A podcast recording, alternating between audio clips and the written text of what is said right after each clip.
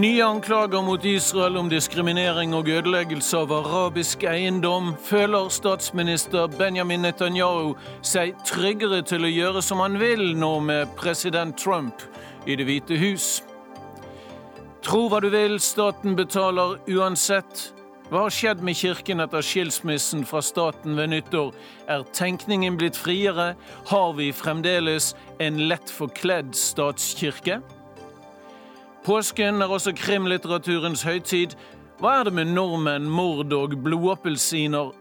Men nå har utlandet begynt å få smaken på annen norsk litteratur enn bare blod og død. Møt Jørn Lier Horst i Dagsnytt 18. Velkommen til Dagsnytt 18, hvor eh, Ole Torp sitter i studio.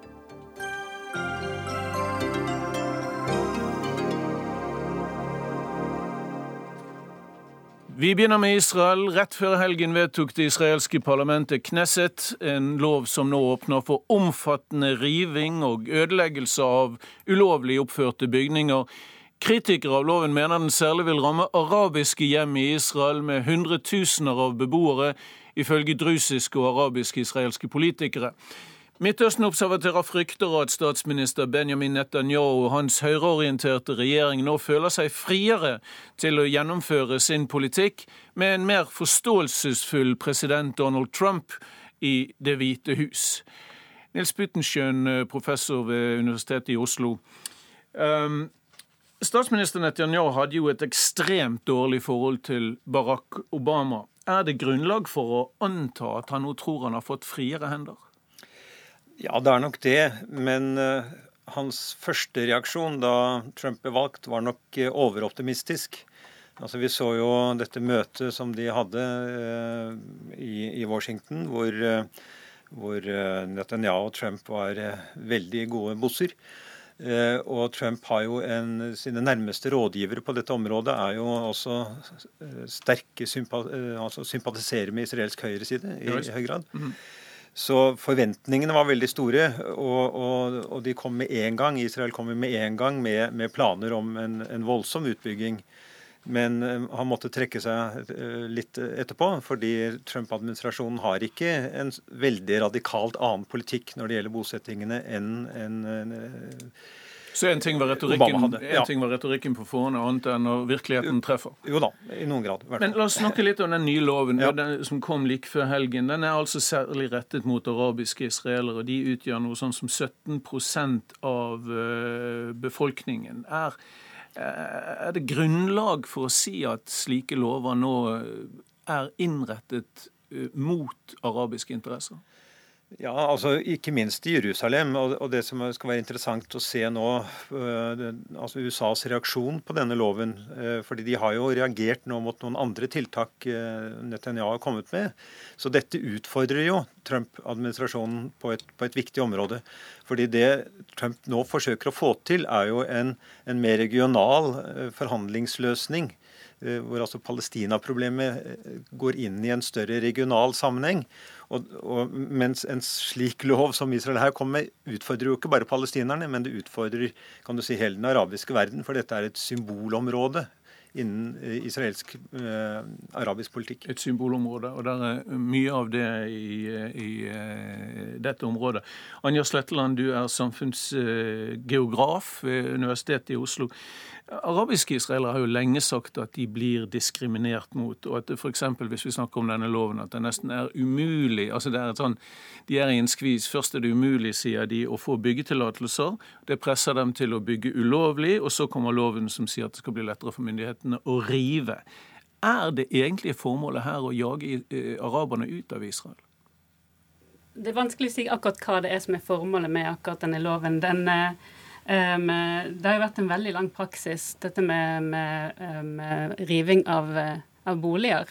Um, det, som, det, som, skjer vanligvis, er at palestinere bygger i veldig stor grad ulovlig, nettopp pga. at de sliter så veldig med å få, få byggetillatelser. Ja. Og eh, palestinere har jo også den, en av de høyeste eh, demografiske vekstratene i verden, så de får veldig mange barn, og de får ikke lov til å bygge ut. Eh, de, de, sender mange søknader til, eh, til israelske myndigheter og eh, får aldri, aldri svar, stort sett. Mm. Så det gjør at de bygger i, i om natten, mm. men bygger likevel. Og vi vet at 97% eller noe sånt av rivningsordrene som utstedes av myndighetene, rammer Palestina. Ja, det gjør de. Men så hvis vi er tilbake til dette spørsmålet med um, hva dette egentlig sier om, om USAs, eller um, Netanyahus forventninger til Trump, mm. det er et ganske godt spørsmål. For det er ganske vanskelig å spekulere i, i intensjonene til, uh, til, Israel, siden det, uh, politikken stort sett baseres på hestehandel. Um, på, på, hestehandel? Ja. ja. Det er vel kjent i, i politikken. ja, nettopp. Um, det er en veldig svak, svak koalisjon med mange forskjellige interesser. Mm. Men det vi vet da om akkurat um, disse rivningene, det at under Obama så var det um, betraktelig lavere um, aktivitet på denne fronten. Men så, I 2015 så var det 75 uh, boliger som ble revet. I 2016 så ble det hele 203, og 100 av disse var under etter at Trump ble valgt. Dette var i Jerusalem, ikke sant? Ja. ja. I Jerusalem, hvor, hvor det bor altså noe sånn som 300 000 uh, palestinere i de israelskkontrollerte områdene. Ja, og i uh, 2017 så Det finnes ingen sånn helt oppdaterte tall, men bare i, uh, i løpet av de første en og en halv måned så var det da 42 uh, hjem som ble revet. Så kan man, hvis man da skal spekulere i hvorfor Hvorfor skjer dette her? Ja. Eh, hvorfor har man denne økningen? Så kan man se for seg to mulige forklaringer. Det ene er at, eh, at Trump faktisk forventer Nei, Trump, Netanyahu faktisk forventer um, at eh, Trump skal uh, akseptere dette. Nettopp pga. at Obama har hele tiden vært veldig kritisk til, til uh, um, rivningene. Det er, uh, det er, veldig kontroversielt, selv om det faktisk er lovlig. Um, og regnes både som uh, um, dårlig PR for Israel og veldig sånn, problematisk overfor palestinerne. Um, men en, en, annen mulig forklaring kan faktisk være at uh, Netanyahu prøver å, eller Israel um, med sin samlede politiske uh, mixed results, prøver å teste Trump, rett og slett. Og, ja, en prøveballong? Ja. Teste grensene for hvor, hvor, langt han vil gå. Ja. Eh, eh, rett før, eh, rett før Trump ble, ble, innsatt som president i valgkampen, den amerikanske valgkampen, sa han jo at han ville flytte ambassaden fra Tel Aviv til Jerusalem. Mm. Det var vel en provokasjon? Mm. Ja, altså Dette er jo et, et, gammelt tema hvor amerikanske presidentkandidater pleier jo nettopp å si det, for, for å sikre seg støtte fra eh, de jødiske velgerne, at, eh, at, de vil flytte ambassaden til Jerusalem. Dette berører jo altså Jerusalems status. Altså jeg, bare si aller først, jeg er ikke helt sikker på at det er lovlig, det som eh, Sletteland her sier. Det kan være lovlig i henhold til israelsk lov, men, men ikke i henhold til internasjonal lov. Fordi I henhold til de resolusjonene vi har om Jerusalem, bl.a. fra Sikkerhetsrådet, så skal ikke Israel kunne endre Jerusalems status gjennom denne type ensidige handlinger. Så, så uh, Derfor er det at hvis man ser dette i et litt lengre perspektiv, så virker jo dette som et ledd i en slags etnisk rensning av, av Jerusalem. Etnisk rensning? Etnisk rensning, rett og slett. Det er et sterkt uttrykk. Det er et sterkt uttrykk, fordi dette er en veldig systematisk politikk over veldig lang tid fra Israel annekterte Jerusalem. Men mange arabere er fullverdige, eller iallfall Nei, de er ikke... De, de er iallfall uh, borgere av eh, staten Israel. Eh, nei. Mange arabere er. Ja, men ikke, ikke, ikke Jerusalem. Nei, men i, men i Israel ja, ja, proper? Ja, ja, så, i, mm. i, så, vi må skille mellom de ulike territoriene her, rett og slett. fordi altså, sant, det var det, dette at uh, Jerusalem ble jo først Eh, erobret av Israel under seksdagerskrigen, og så annektert, altså gjort til en del av ja.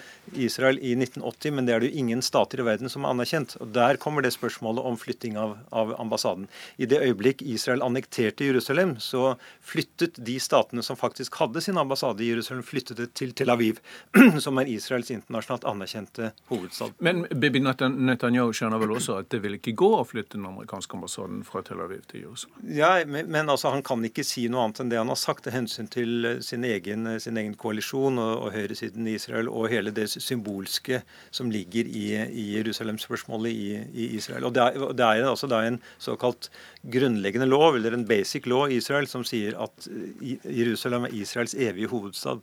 Så, hvis, så, ja, så dette, dette, vi, dette, går inn i et stort kompleks. Det. Ja. Hvis vi går ut over Jerusalem, som vi ja. nettopp gjorde, eh, kan, kan eh, Netanyahu også ha foregnet seg med tanke på å få støtte, ytterligere støtte til, eh, fra, fra Amerika til å fortsette Eh, koloniseringen, utbyggingen på den okkuperte Vestbredden? Ja, vi ser, har sett eksempler på det i det, i det helt det siste. Altså at uh, Trump-administrasjonen, i likhet med Obama-administrasjonen, sier at Israel må ikke bygge noen nye bosettinger, og de må ikke utvide eksisterende bosettinger ensidig. Eh, altså i hvert fall må holde veldig tilbake på det. Så, så, det er ikke noen, så vidt jeg kan se, ut fra det jeg har sett, at det er ikke noen dramatisk forskjell faktisk i Trump-administrasjonens og Obama-administrasjonens politikk på dette området, selv om de jo alltid har latt seg presse av Israel. Så Anja Sletteland, kan, kan uh, Netanyahu ha foregnet seg litt her? Nå snak, uh, snakker du om Jerusalem? Nå snakker jeg om, jeg snakker om, jeg snakker om utbyggingspolitikken ja. generelt. Okay, jeg hadde bare lyst til å gå tilbake inn til dette nei, med ambassaden. nei, ja, ja, OK. Vi kan, gå, ta, vi kan ta ambassaden hvis du tar det fort, og så snakke om, om nybyggerkoloniene. Ok. Um, bare tenkte at, at, Det kan være greit å se på de lange linjene når man ser på spørsmålet om, um, om USA skal flytte den ambassaden. For Det har faktisk vært en, det står i amerikansk lov, det har de gjort siden 1995, at um, USA anerkjenner Jerusalem som Israels hovedstad, og at ambassaden skal flyttes fra Tel Aviv til Jerusalem. Um, men, eh, og Grunnen til at det ikke skjer, er at det er en klausul i, i denne loven som, eh, som av, på bakgrunn av nasjonal sikkerhet um, kan utsette eh, dette vedtaket, rett og slett. Og det har, uh, det har alle presidenter gjort siden. Selv om uh, både Eh, Clinton og Bush gikk til valg på å flytte ambassaden. Barack Obama eh, gjorde noe som var nesten helt likt, nemlig at han sa ikke helt eksplisitt at han ville flytte ambassaden, men at han anerkjente eh, Jerusalem som eh, Israels evige hovedstad, og at den skal være udelt. Okay. Og la oss ta, la oss ta eh, nybyggerkoloniene på den okkuperte Vestbredden. Kan Netanyahu ha foregnet seg der og trodd at han skal få mer eh, rommeligere anslag fra Trump enn han i virkeligheten ser ut til å få?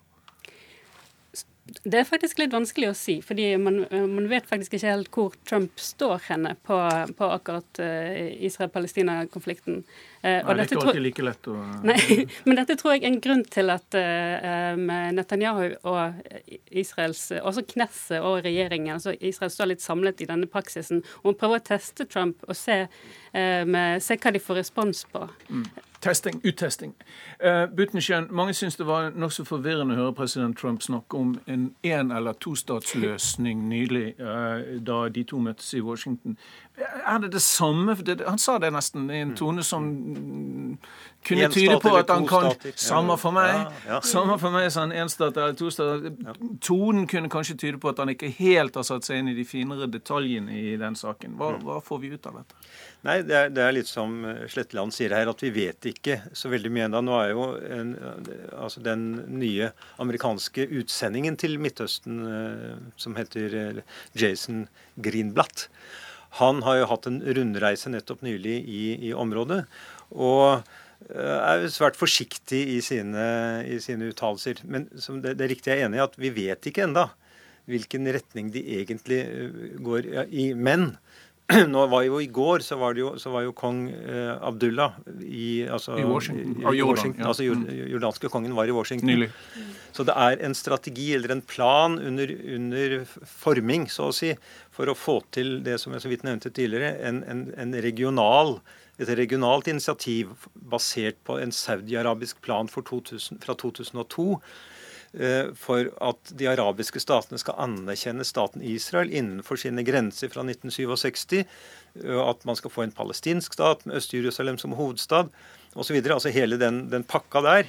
Eh, og, og, og det vil nå eh, tyder mye på at, at, Trump vil liksom gå inn på, det, på, dette og forsøke å få disse partene sammen på det grunnlaget. Men det er klart, Trump er ikke ideologisk committed. Altså, han, er, han, har ikke noe sterk ideologisk uh, tilknytning, tilknytning, til, til den krisen. Nei, men hans medarbeidere har det. Og det er det som har bekymret mange. ikke sant? At den nye ambassadøren til, til Israel han er jo en sterk tilhenger av, av bosettingspolitikken.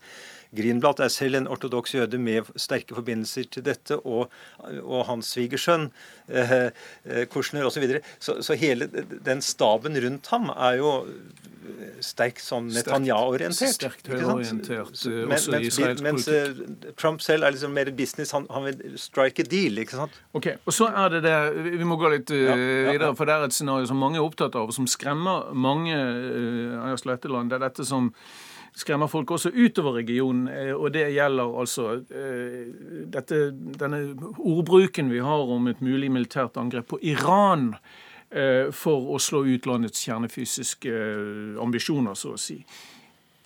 Bibi Netanyahu stoler ikke på den avtalen som er inngått med Iran, sier han. Trump liker den heller ikke. Kan Netanyahu håpe på at Trump gir ham lov til å sende bombefly? um, det er, det er, litt vanskelig å si. Altså, i, i det, man, det skjønner jeg, det er derfor jeg spør. Ja, uh, hvis man ser på hva Trump har sagt faktisk om denne avtalen, så har han jo vært stilt seg kritisk gjennom hele den prosessen uh, mens den ble laget, og, og etterpå. Og han har uh, også um, Han gikk også til, til, valg på å få den uh, tilbakekalt og endre til avtalen. Um, men en ting som, eh, som har preget litt sånn eh, hvis man kan si at han har en ideologi, da, Trumps ideologi, så er det jo en litt sånn hands off-tilnærming eh, til, til, verden, og kanskje spesielt til Midtøsten. Og det å, det å tillate Israel å gå til en sånn konfrontasjon på Iran, det vil jo sette i gang en, en en krig. rett og slett. En kjedereaksjon, for, å si det, på, den måten. Hva tror, hva tror Nils Butenschøn? Jeg, jeg, tror ikke det heller. Altså, fordi Det som er avgjørende for Trump nå, det er å få til en form for stabilisering mm. ikke sant? med Egypt, med Saudi-Arabia. Og så er han det han er opptatt av nå, det er jo Kina. ikke sant? Så, så, så, han er nok på tallerkenen? Ja, han er nok på tallerkenen. Ja, han er nok på tallerkenen i, i, høy grad. Og, og han er ikke så opptatt av å måtte akkurat innfri alle mulige Eh, valgløfter, tror jeg. Ok, Takk til Nils Butenschøn og Anja Sletteland. Takk for at dere kom. Dagsnytt 18 på NRK P2. Ja, vi skal uh, fortsatt uh, oppholde oss litt i det israelske, holdt jeg på å si. Velkommen til Trond Bakkevig, prost her i Oslo. Du er jo en mann som reiser mye i dette området. Du er der vel fire, fem, seks ganger i året? Det er jeg. Så det er ikke så lenge siden jeg kom tilbake fra Jerusalem. Hva gjør du der nede? Jeg tilrettelegger samtaler og samarbeid mellom religiøse ledere.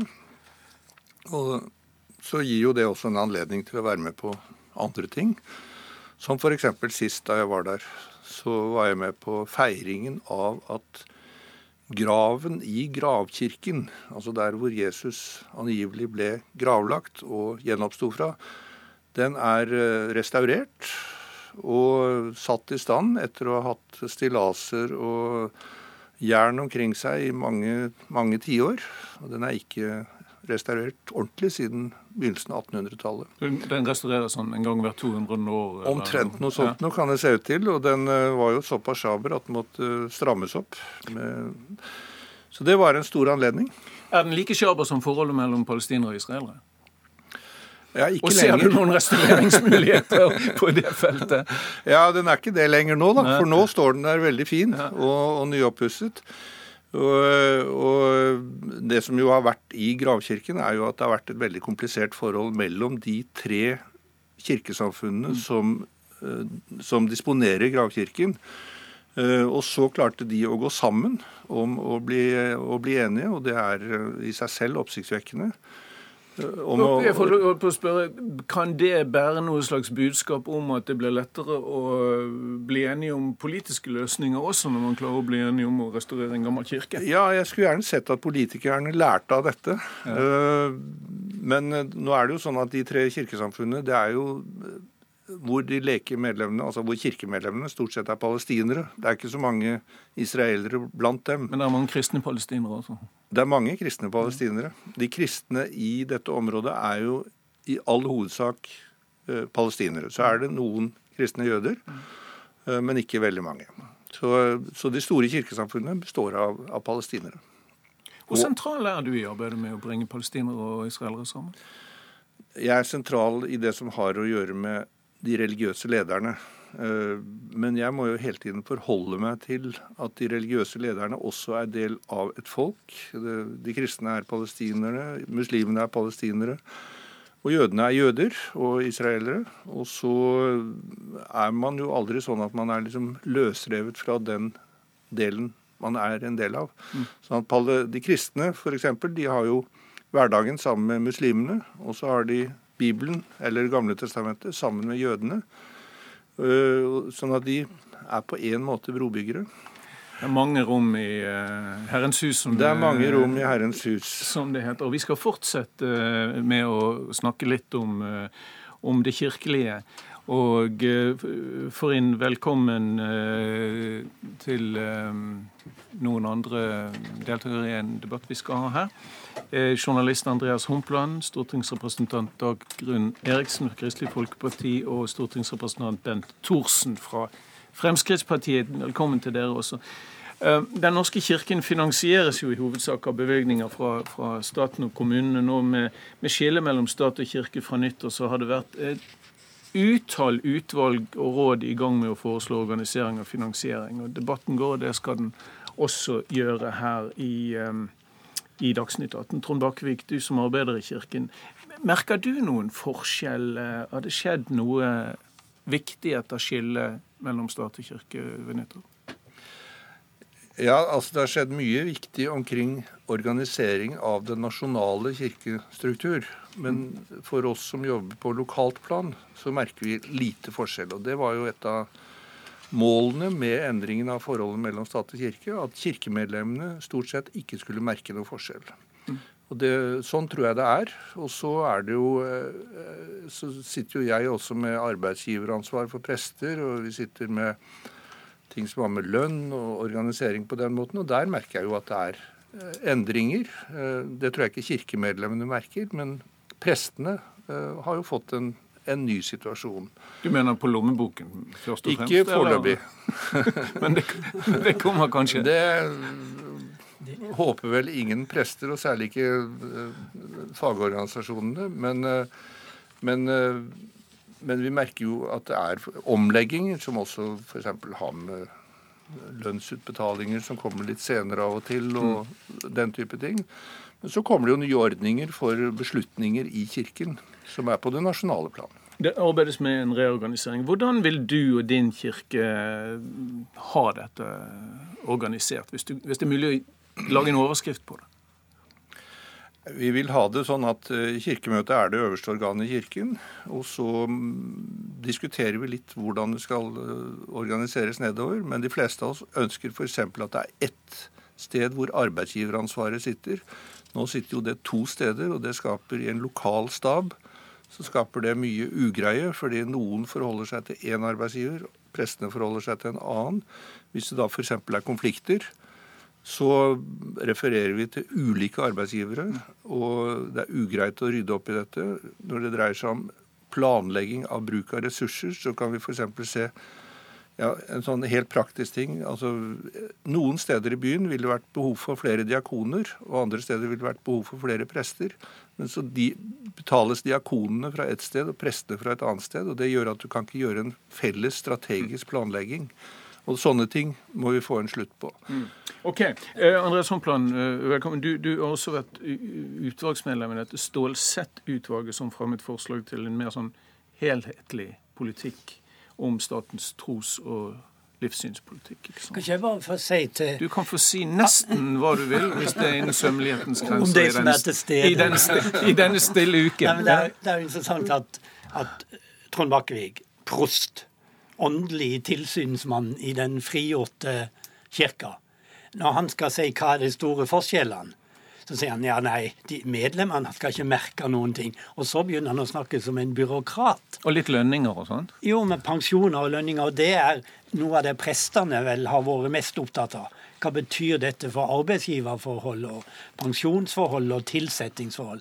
Veldig mange prester, kanskje de fleste i Den norske kirke, syns egentlig det var ganske greit som det var før, og at de var embetsmenn tjenestemenn og underlagt eh, tjenestemannsloven. De føler seg mer usikre når det altså er kirka sjøl og eh, de lokale menigheter som har større ansvar. Men dette er litt rare med den såkalte skillet mellom kirke og stat. Men vi må, jo snakke om, jo snakke om finansieringen av den nye kirken, ikke sant? Det kan vi gjerne gjøre, men jeg syns det er interessant først at prost Trond Bakkevik, som har ja, men altså, han, han spør om er, hvor er det vi merker endringer, og da svarer jeg der merker vi endringer. Og jeg sitter jo med byråkratisk ansvar, for jeg sitter på arbeidsgiversiden.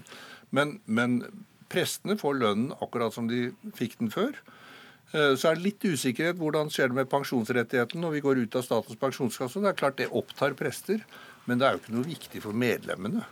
Men det er Nei, veldig det, viktig for prestene. Jo, men altså, dette, Det er 500 år siden eh, Luther slo opp sine teser. Det er 500 års jubileum i år for reformasjonen. Og vi har nå, etter 500 år, altså, så har vi skilt kirke og stat, som var noe av grunnlaget for et viktig sidespor av Luthers reformasjon. Altså, så, korrekt er 480 år, da, for reformasjonen kom ikke takk. til Norge før i 1537. Ja, men eh, det er, det er år jubileet, 500-årsjubileet blir feira. Men også kirkeministeren, eller kulturministeren som heter nå, skrev jo leserinnlegg og redegjørelser for å si til folk at ta det med ro, dere kommer ikke til å merke noen ting. Dette er den største omlegging av kirkeorganiseringa i Norge på 500 år, men dere skal ikke merke noe. Er, jeg syns det er det er interessant at, eh, at, at, eh, det er på en måte den Det er sånn den nye ordninga blir solgt inn. Oss, at dere som er medlemmer, skal ikke merke noe. La oss bringe inn det partiet som står i kirken, nærmest Dagrun Eriksen, eh, stortingsrepresentant for, eh, for um Nei, du er ikke stortingsrepresentant. Nei, Jeg er glad for din sannhet. Men, men, vi har snakket om det før, at det, at det, er litt sånn dine typer vi burde hatt uh, på Stortinget. Husker du det? Ja. sant, det er sant. Okay. Men hvordan, hvordan, skal vi finansiere dette? Nei, altså, eh, Det jeg syns er viktig, for eh, jeg syns det er veldig bra at det signalet er at ikke man skiller, eh, og ikke folk flest skal kjenne forskjell på dette. Fordi at eh, hele poenget var jo ikke å skille folkets forhold til kirka, men det var statens forhold til kirka. Og det, for, eh, det, er jo, det, er jo, ikke det som har bundet sammen folk og kirke, nemlig den relasjonen til staten. Det tror jeg var viktig.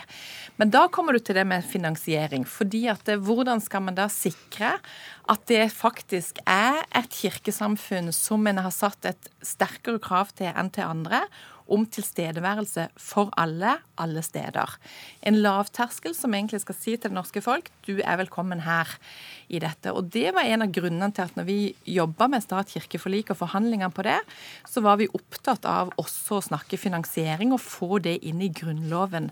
Nemlig at den skal understøttes fordi den skal være Norges folkekirke. En fullstendig offentlig finansiering en fullstendig offentlig finansiering som gir en trygg. Og det tror jeg vi har behov for på mange områder. Én ting er det med tilstedeværelse, og at man trenger et sted som har den type lavterskel som sier velkommen til alle. Nesten litt, Det syns jeg Kirka er fint på, nesten litt uavhengig av medlemskap. Okay. Så har en, en, en, åpenhet for det. Men det sier også noe om hvordan vi skal finansiere hele tros- og livssynsfeltet. Fordi at jeg mener jo at du, du, det er ikke bare et nødvendig onde, men en, en gode å ha dette. Mm. Hørte jeg deg si nødvendig onde? Nei, altså, ja, det er ikke et nødvendig onde? Det er ikke et nødvendig onde. Altså, det, for det er noen som ser på at det, må vi bare gjøre dette, for det er et nødvendig onde vi må forholde oss til. For meg så er det et gode å ha tros- og livssynssamfunn til stede, for de har også en samfunnsbyggende okay, kraft. Jeg vil høre med Bente Thorsen, som er medlem i kirkekomiteen på Stortinget, representerer Frp. Ditt parti skal jo på landsmøte tidlig i mai uttale dere og foreta et vedtak om hva dere mener om dette. Hva mener du? Eh, personlig så har ikke jeg landa ned på noe ennå. Men jeg må først si det at eh, kirka på like linje med andre trossamfunn er òg viktig for Fremskrittspartiet. Ja, det var godt å høre. Ikke sant? Så det, at, så det, så det er ikke bare Nei. Kristelig Folkeparti som er opptatt av kirka. Mm. Og så er det, det forslaget som ligger føre i Fremskrittspartiet sitt program Det var det jeg ville frem til. Ja. Og det er da at Fremskrittspartiet vil fjerne tilskuddsordninger for trossamfunn. Det opprettes en egen tilskuddsordning for å ivareta og vedlikeholde kirkebygg bygg med, kultur, med kulturhistorisk verdi, samt lovpålagte oppgaver. Nå vet vi det at Kirka har en del lovpålagte oppgaver som andre trossamfunn okay. ikke har. Men, men Også, både, både, både du og partiet har vel tidligere sagt at man kan se for seg en ordning med en slags personlig medlemskap her. Ja, hvis du kan få lov å komme ja, du skal få lov. Men betyr det en slags medlemsavgift? Eh, Det, la meg også si at dette forslaget her har blitt fremmet tidligere Ja. Ja. i Fremskrittspartiet på landsmøter og blitt nedstemt. Så, så vi, Men dere gjør et nytt vet, forsøk? Det, det blir et nytt forsøk nå, ja. Okay. Og det, det som er- ligger til grunn, det er det at um, eh, at vi, i, I partiprogrammet så kommer det tydelig klart fram at eh, vi vil ha et skille mellom stat og kirke. Og så er det òg det at vi vurderer, noen av oss vurderer det kanskje sånn at eh, for at kirka skal ha eh, samme frihet som andre trossamfunn, og andre trossamfunn, så eh, kan finansieringen skje på en annen måte. Og Ja, da- Men jeg har lyst til å spørre deg. Jeg har lyst til å spørre deg. Beklager at det virker, sikker, virker sikkert som jeg avbryter deg, men jeg eh, prøver å, å Altså, det blir å programfeste og fjerne tilskudd, ikke sant? Mm. Er det egentlig for å ramme muslimene, men ikke gjøre det så tydelig? For da skal vel alle Nei. andre eh, alle andre tilskudd til trossamfunn også bortfalt? Nei, Fremskrittspartiet er for at vi har eh, trosfrihet, og at vi får lov å utøve den troen vi har, så lenge det skjer innenfor vedtatte er lover og rammer. Det er ikke litt for å straffe de slemme liberale biskopene, da? Nei, det er nok ikke det. så Det, det er det slett Ingen, ikke. ingen sånne undertoner der? Nei, det er ikke det. Men så er det òg sånn at Stortinget har pålagt regjeringen å utrede finansiering av både Den norske kirke og andre trossamfunn. Og det er mange forskjellige måter å gjøre dette her på. F.eks. det er statlig overtakelse av alle tilskudd. I dag er det jo delt, så det var, var noen var inne på her, men med kommune og stat. Men, og da tenker jeg, og nå er jo det, så dette skal utredes.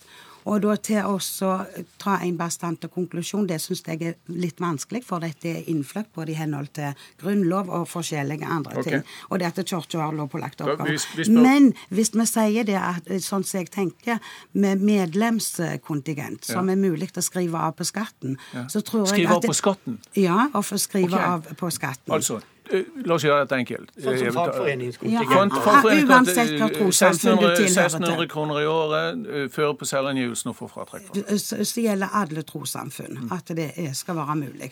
Da blir det et person... hva syns Dagrun Eriksen om det? Nei, altså Jeg ønsker meg en sterk offentlig finansiering fordi at Ja, men eh, Dette med medlemsavgift Nei, det, det, blir det et spørsmål, ja, men det blir et spørsmål som jeg mener Nå som vi har fått dette løst, så er det ikke staten som skal innføre medlemskontingenter. Hvis et trossamfunn har et behov for å gjøre det, så skal man gjøre det.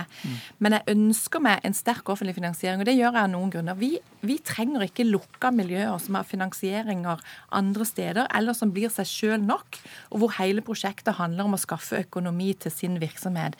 Vi trenger eh, miljøer også innenfor det religiøse som må brytes i samfunnet, som må brytes med meninger. Og da er også det med å ha en offentlig finansieringsordning som gjør at du kan si noe om hva eh, Og gi noen rammer på, på hva dette skal gå, uten å gå på, på, på bekostning av det et trossamfunn skal få lov til å ha lov til sjøl. Det trenger vi. med, med en medlemsavgift? Hvor du kan har et kort i lommeboken det står jeg medlem av Den norske kirke og jeg betaler min årskontingent. Norske kirke, i hvert fall der jeg styrer, så, be, så betjener vi de som kommer og spør etter våre tjenester. Vi spør ikke etter medlemskap. Men det, det er noe det er en Men du syns det er en dårlig idé? det det du sier? Ja, jeg syns i utgangspunktet det er en dårlig idé. Men det som er viktig her, og jeg tenker at dette kommer til å bli diskutert fremover, og det er viktig at vi holder tunga rett i munnen. Det var kirkeskatt i Norge helt frem til begynnelsen av 1900-tallet. Så ble den tatt og gjort til en del av personskatten. Hvis man innfører en form for kirkeskatt igjen, så må man redusere skatten. Dette er øh, vet jeg at dette er sikkert Andreas uenig i, men, men sånn var det. og Det er ingen grunn til at, at man skal gi fra seg det. Så Så man, skal se på, Når man får skatteoppgjøret, så får man eh, kommuneskatt, eh, skatt til staten, skatt til kirken. Ja. Kirkeskatt du vil at skal gjeninnføres? det er én mulighet. Er det en Altså, god idé, syns du? Ja, det er ikke det er, Jeg syns på mange måter det er en god idé, fordi at eh, da blir det tydelig hvor du tilhører. Men jeg vil at vil ikke at vi skal begynne med sånn der eh, kontingentinnbetaling via Med postgiroblanketter. purringer og Nei, altså dette med 3,8 millioner medlemmer, så må vi gjøre sånn som de gjør i Tyskland, Sverige og Danmark og Island. Eh, Det er at kirkeavgiften kreves inn via skatteseddelen. Og så kan man ha diskusjon skal den være flat eller skal den være avhengig av prosenter. Og det, hvis den er avhengig av prosenter, så ser vi at folk begynner å melde seg ut av kirken, og så sitter den ektefellen igjen som har lavest inntekt.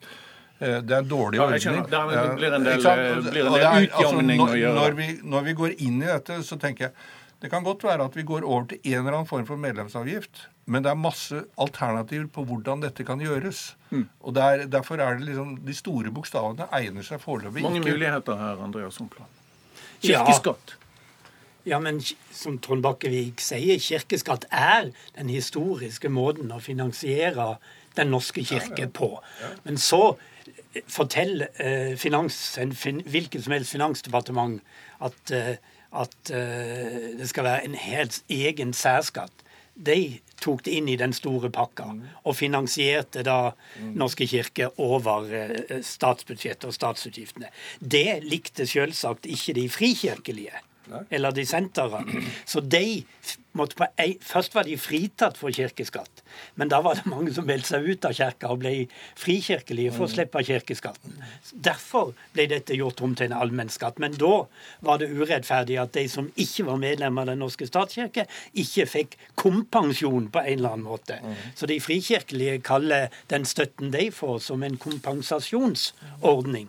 På samme måte som, eh, som, eh, som humanetikere og, og, og, og muslimer. Men det er jo interessant at når Trond Bakkevik, som har drevet kirkepolitikk på dette området veldig dyktig i 10-20 år, har klart å få skilt kirke og stat, eller frigjort kirka fra staten, som kan si. Men når det kommer til pengene her, så er det veldig lett å følge det gode, gamle journalistiske slagordet 'follow the money'. Og som preses i Den norske kirke, eh, sier kirke, Den norske kirke, for, eller Den norske folkekirke forblir en stats- og kommunebudsjettkirke. Og det er det at Trond vil også ha staten attåt på en eller annen måte. Enten ved en eh, Han kaller det ellers uh, uh, livssynsavgift. En slags troslisens som alle skal betale. Omtrent som kringkastingsavgifter. Jeg var redd du skulle bringe inn den. Mitt poeng, mitt poeng, du spurte hva jeg mente om Ja, for dette. du har skrevet om dette. Så har jeg faktisk ment noe i, i, fordi jeg var medlem. Jeg representerte de, de vantru i eh, Stålsett-utvalget. Ja. Og nynorsken. Men du har skrevet om dette i Kirke og kultur også? Det har, i også, det har. Trond Bakkevik svart meg, så vi har en, vi har en Ja, men det er dialog. sikkert- Det er det. dialog om dette her. Det er ikke sikkert at alle våre lisensbetalende lyttere har, eh, har- har For det her skriver du ellers er det mye oppfatning av mye av opphavet til de dilemmaer Opphavet til de dilemmaer og synder vi har ført inn i på dette felt, ligger hos Trond Bakkevik. Med dyktig kirkepolitisk innsats gjennom diverse utvalg har han bidratt til sterkt bidratt til, med, til å skape en tilstand som ikke er bærekraftig. Ja, men dette er Trond han, Ikke min ros av han som kirkepolitiker, men i, i, i konklusjonen er han enig i at denne ordninga er ikke bærekraftig Nei, over tid. Og Trond Bakkevik skriver jo også i sitt svar til meg at han tror heller ikke Grunnlovens paragraf 16, som altså legger grunnlaget for den norske folkekirke, som Dagrun Eriksen har funnet opp navnet til, og som skal understøttes av staten som sådan. Og derfor må alle andre understøttes på like måte. Så det- Trond så tror ikke Trond- dette er Så det Trond. Bakkevik vil ha, er en slags livssynsavgift. Nettopp à la eh, TV-avgift. Ja, for å, for å få likeverd mellom alle tros- og livssynssamfunn, og for å synliggjøre at du er faktisk medlem et sted. Men så Altså, Når jeg kobler inn staten, så er jo ikke det liksom for å få statsstøtte, men det er rett og slett for å få hjelp til å, å drive denne ordningen. Innkrevingssentral. En, innkrev, en kirkelig På en innkrevingssentral. måte en, okay. en innkrevingssentral også. Dette ble morsomt. La meg, høre, la meg prøve innkrevingssentralen på deg i dag. Ja, ikke sant? Nei, altså, men Det som jeg synes er interessant i dette, er hvordan man løser dette, det kan diskuteres. og Vi skal se på det som kommer i høringen. Vi har ikke satt oss fast på dette. Men det høres jo liksom ut som Ja, for det blir vært altså en høring i sommer. Det blir en høring i sommer og, på Og et vedtak uh, Neste vinter, neste vinter. er planen at det kommer Mm. på dette. Men, så vi skal lytte til det som kommer inn av klokskap der. Men det høres jo ut som at dette er noe som Kirka har forlangt, eh, og vi bare, vi bare hopper, og stortingsflertallet hopper på det for Kirka sa det. Det er ikke sånn at vi har verken paveautoritetsmakt eller noe som helst.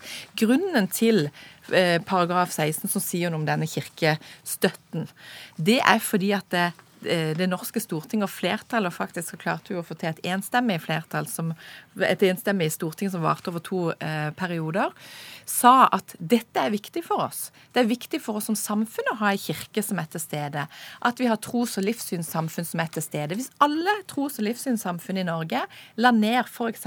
sitt engasjement i samfunnet, ville vi blitt et fattigere og kaldere samfunn med alt det sosiale som skjer. Det er en av grunnene. Den andre grunnen som også har vært viktig for oss, som jeg sa i starten, det er at det skal være tilstedeværelse for noen for alle. Og så kommer rettferdighetsprinsippet inn. Så å si at dette, om dette er bærekraftig eller ikke hvis man tenker kirka kun som en sånn serving til, til han der oppe eller det der oppe. Og, og, så kan en tenke at det var ikke en bærekraftig en. Men hvis du tenker på også alt det som alt det, disse samfunnene gjør okay, ut, vil, jeg, jeg, jeg vil gjerne høre Bente Thorsen fra Fremskrittspartiet også på dette, før jeg går tilbake til de vantro. Ja. Jeg, jeg, jeg, tror det at det som Dagrun sier her, at hun er redd for da med tilstedeværelsen og alt det gode arbeidet som blir gjort i menigheter, at det, det, da vil falle vekk dersom det blir innført en eh, medlemskontingent, eller kall det hva du vil for noe. da. Det tror faktisk ikke jeg. Jeg tror faktisk det at folk får et mye mer personlig forhold til sin menighet, det være seg Den norske kirke eller andre trossamfunn, dersom de tar et aktivt valg Eh, om de vil være medlem eller ikke. I dag er det jo faktisk sånn at dersom du melder deg ut av Den norske kirke, så tilfører du andre trossamfunn som du kanskje heller ikke har lyst til å støtte, eh, mer penger. Ja, oss, ikke sant? Vi må ta den, for det er vel egentlig sånn for å si det enkelt at jo færre medlemmer det blir i den gamle statskirken, jo mer får f.eks. Human-Etisk Forbund. Er det ikke sånn? Andreas jo, alle... Ja. Andreas Omtland, er det omtrent sånn? Jo, det, så, lenge, så lenge eh, Den norske kirke, som for Norges folkekirke, får en rund sum som ikke er avhengig av antall medlemmer, så deles det ut på hvor mye er det per medlem i Den norske mm. kirke, og så får alle andre tilsvarende pro capita, pro pers. Og Det betyr at til færre medlemmer det er i Den norske kirke, til mer blir det per medlem i Human-Etisk Forbund og i muslimske menigheter. Og dette betyr dette, og Det er jo derfor at alle disse eh, Human-Etisk Forbund og muslimske menigheter stort sett er en slags gratispassasjerer på statskirkevogna. Fordi de vet at de får det er grundig betalt av stat og kommune så lenge forpliktelsen til å fullfinansiere statskirka er til sted, eller den tidligere statskirka. Fordi det er sånn da at uh, Human-Etisk Forbund hadde jo når de er verdens største livssynsorganisasjon for uh, humanister, så er jo det fordi de får nesten 90% av sine midler fra staten. Og det gjør de av rettferdighetshensyn fordi folkekirka får like mye. Og dette betyr mest for uh, den norske kirke, for Human-Etisk Forbund og noen muslimske menigheter. Det betyr ikke så mye for frikirke. For de har arv, og de har tiende og alt mm. mulig, og, og masse gaver. men det er altså eh, Den norske kirke og eh, Human-Etisk Forbund og Fremskrittspartiet er omtrent på lik linje der, for de får nesten alt av inntekter fra staten og statstilskudd. Ja, og I tillegg så driver jo ikke Human-Etisk Forbund søndagsgudstjenester. Det er jo en av forskjellene på Human-Etisk Forbund og f.eks. Frikirkene. At de faktisk har ganske kostbart driftsbudsjett. Det har jo ikke uten videre Human-Etisk Forbund. Men for å gå tilbake til ditt opprinnelsesspørsmål. altså hvis du, hvis du spør hva er de viktigste utfordringene som står overfor Kirken. Og da vil jeg ikke høre om prestelønningene. Nei, eh, og det, det, var akkurat det jeg ikke skulle si. Mm. Fordi at eh, Nettopp fordi det ikke blir så store forandringer, så tror jeg dette skillet mellom stat og kirke det kommer omtrent samtidig med et ganske stort kulturskille. Og jeg tror utfordringen for Kirken ligger mye mer i det enn det ligger i å finne en riktig organisasjon. Vi er i ferd med å bli et samfunn som er veldig mye mer flerreligiøst enn vi var mye mer sekularisert. Altså Det skjer på samme tid at, det, at vi blir både flerreligiøst og, og, og, sekularisert. Og Der ligger utfordringen, der ligger spørsmålet om religionens rolle og religionens fremtid i vårt samfunn, og hvordan vi også skal være i kirke. Og Det er den utfordringen som jeg tenker er vår største utfordring. Det er ikke disse økonomiske eller andre greiene. Det klarer vi. Ja, altså, eh, jeg tenker at dette, Det er en veldig spennende eh, debatt. og det er klart Den beskrivelsen av hvordan finansiering fungerer i dag, det er jo nettopp derfor man også nå skal se på hvordan er dette og hvordan fungerer dette i forhold til de andre trossamfunnene, og, hvor, og hvordan er, er, er, klarer vi å få dette. Men det som jeg syns er veldig dramatisk med Fremskrittspartiets forslag, og hvis det går gjennom på landsmøtet, med å fjerne all tros- og livssynsstøtte, det, det, er et ganske dramatisk forslag som man ikke vet helt konsekvensen av. Om vi da klarer Hvilke, hvilke konsekvenser frykter du av et slikt uh, forslag? Ja, altså, for, for, det første så, fry, så, frykter jeg at når man kommer til Nå skal jo jeg eh, representere Nordland. Når man kommer ut på, på, øyene i Nordland, vil det da være eh, en kirke til stede for røstbefolkningen? Vil det være en kirke til stede der hvor man ikke har mange nok til stede til å kunne ha en fullfinansiering ut ifra det befolkningsgrunnlaget som er. Kommer vi til å få messefall? Altså, jo, men det, det, er ganske dramatisk, det som kan være effekten av dette. Jeg syns Dagrun Eriksen fremstår litt som ei drama queen jeg oppi dette her, altså. Det må jeg virkelig si. Så det, det, det syns jeg til de grader. For det at det som vi sier, det er ikke stort annerledes enn det som Bakkevik sier. Det er det at jeg foreslår en medlemskontingent, om du kaller det for det, eller om du kaller det for en kirkeskatt. Det må være hipp som happ.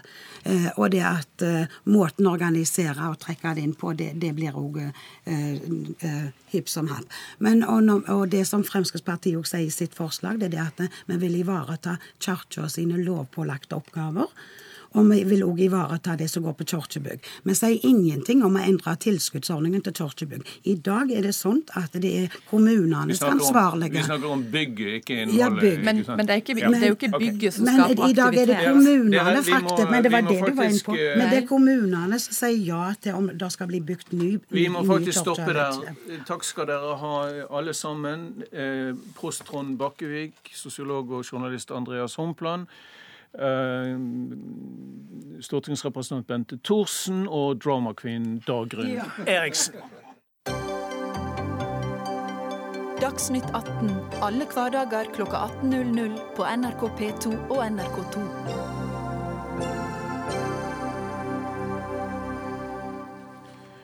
Da skal vi snakke om uh, krim her i uh, Dagsnytt 18. Det stunder til uh, påske, og alle vet at det er en høytid hvor det norske folk flokker seg om blodappelsinene og Kvikk Lunsjene for å nyte påskefreden på den måten. Men det det er kommet en del nye trender til som vi skal snakke litt om her, med Jørn Lia Horst, som er krimforfatter, og Agnes Moxnes, eh, og kulturkommentator her i NRK. Jeg begynner med deg, eh, Horst. Hva tror du er grunnlaget for denne enorme norske fascinasjonen for krim? Ja, det eh, Enkle svaret er at det, det vet jeg ikke. Eh, OK. Da, hva, hva, la meg gå rett på deg som fagperson. da. Hva, god, hva slags ingredienser skal en god kriminalroman ha for å slå an? Det er, ja, og det, det, Som jeg vet det, så vil jeg ikke si det høyt. Jeg på å si. Det er mange som prøver ikke sant, å skrive god krim. Nei, men eh, den, den, skandinaviske, den norske eller nordiske måten å skrive krim på, det er jo den sosialrealistiske, ikke sant, som har en, en i seg som, som kritiserer eh, ja, det samfunnet vi lever i. Mm. Det er den måten vi har skrevet krim på her eh, i landet i veldig mange år, og som har bredd seg også utover i, i store deler av verden. Og så er det som, som blir godt likt både i, i Asia og, og, Amerika. Det er to ting jeg alltid har lurt på med, med kriminalromaner. Det er må det alltid være et drap? Ja. Det må det være. Ja, jeg har spurt, eh, iallfall ifølge forlagsdirektøren min, så må det Noen må dø. Noen må dø. Ja. Må helten alltid være en litt uh, forfyllet, forsoffen Ross MacDonald-inspirert uh, privatdetektiv? Nei, det var jo det jeg prøvde å gjøre litt uh, motstand mot da ja. når jeg begynte å skrive krimbøker, for nå er det 13 år siden eller noe. Ja, for din helt William Wisting er jo ikke sånn. Nei, jeg ville jo ha en politimann i hovedrollen som var mer lik den politimannen som jeg kjente. da, fra den ja, du, var aldri, jeg, du var aldri sånn? Nei, altså det litterære politikorpset Nei, ikke sant. Eh, det litterære politikorpset er jo full av ensomme menn som går rundt og løser drapssaker i fylla. Mm. Eh, og sånn er det faktisk ikke, altså. Sånn er det. Sånn, ja. Hvor mange bøker har du skrevet selv? Ja, Nå er det sånn at det liksom kommer ut av tellinga, men i den serien hvor jeg skriver om politimannen William Wisting, så er det elleve bøker. Mens jeg har skrevet om fagbøker og barnebøker, så det nærmer seg 40 bøker totalt. Mm. Og en, jeg vet at en av altså et nøkkelvitne som vi skal snakke litt mer om, ja. går nå i sitt 25. opplag. Ja, det var jo debutboka mi som kom ja. i 2004. Eh, og eh, førsteopplaget var jo på 1750 eksemplarer. Nå jeg, vet jeg ikke hvor mange det har blitt totalt, men det er jo, det er en veldig sånn det er jo en spesiell historie, da. Altså Når den ble utgitt nå i 25. opplaget, så visste jeg ikke om jeg var så glad for det. fordi jeg tenker jo at jeg er en, en mye bedre forfatter nå enn det jeg var for 13 år siden. Eh, så hvis noen skulle dømme meg etter den første boka jeg skrev, så, så vet jeg ikke om jeg ville være så fornøyd. Men det var kanskje en friskhet og en Ja, altså, Den fikk jo terningkast både fire og fem, den også. Men, men, den er jo basert på en virkelig drapssak. da. Den er jo basert på drapet på Ronald Ramm i Larvik tilbake i 1995. Et drap som fremdeles er uh, uoppklart. Uh, og Det som ble spesielt for meg, var at det var den dagen jeg begynte å jobbe i politiet der nede. Mm. Så første dagen min på jobb, det var å reise ut til det åstedet. Eh, og det er kanskje de, det litt sånn mektige inntrykket av å trå over en sånn dørterskel eh, inn på et drapsåsted og se hvordan eh, gjerningsmannen hadde etterlatt seg både rester og spor, hvordan det hadde foregått en kamp på liv og død. Da. Det var noe av det som jeg ville forsøke å ta med inn mellom permene i den første boka mm. jeg, jeg skrev. Jeg husker en detalj fra den boken, jeg tror det var den boken, hvor du skrev at um at du gikk over dørstokken Eller unnskyld, ja. Bisting gikk over dørstokken med, med hendene i lommen. Uh, ja. For han hadde lært at hvis, du, hvis politimannen har hendene i lommen på et drapsåsted som er fullt av blod og hår og, og, og, dritt, så setter han i hvert fall ikke fingeravtrykk selv.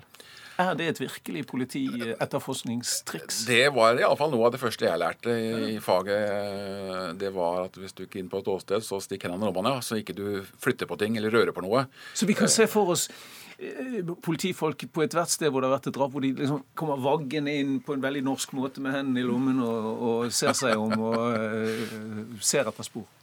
Ja, og, og, det er jo de politifolk som har, som har ødelagt et også. ikke sant? Ved, ved bare å dra opp rullegardina, så, så, får vi jo kriminalteknikerne et helt uh, annet inntrykk av åstedet enn det som faktisk uh, var når drapsmannen gikk derfra. Så stikk hendene i lomma. Det er det beste du kan gjøre. Leser du mye krim selv? Ja, jeg gjør det. Jeg leser ikke bare krim, men jeg leser uh, mye. Jeg leser mye norsk, mye nordisk. Uh, det handler litt om å se hva kollegene driver med. Mm. Ja. Agnes Moxnes, du var jo tidligere i hvert fall Revatonpris uh, i, i Revatonpris-juryen. Du var kanskje leder der til og med i en periode? En bitte liten periode, bitte ja. Liten. Men du har jo studert dette, dette området av litteraturen. Ehm, er du fremdeles interessert? Jeg må vel tilstå at jeg hadde et lite frafall fra krimlitteraturen etter å ha sittet og ledet, eller sittet i Riverton-juryen. For det var vel på den tiden, dette var i 2010 og 2011, og det var vel kanskje da det kom ut flest krimbøker i Norge. Og det er jo ikke alle som har uh, Jørn Lier Hoist-standard. Jeg mener han var i tetsjiktet den gangen, med bunnfall, at jeg leste den uh, da.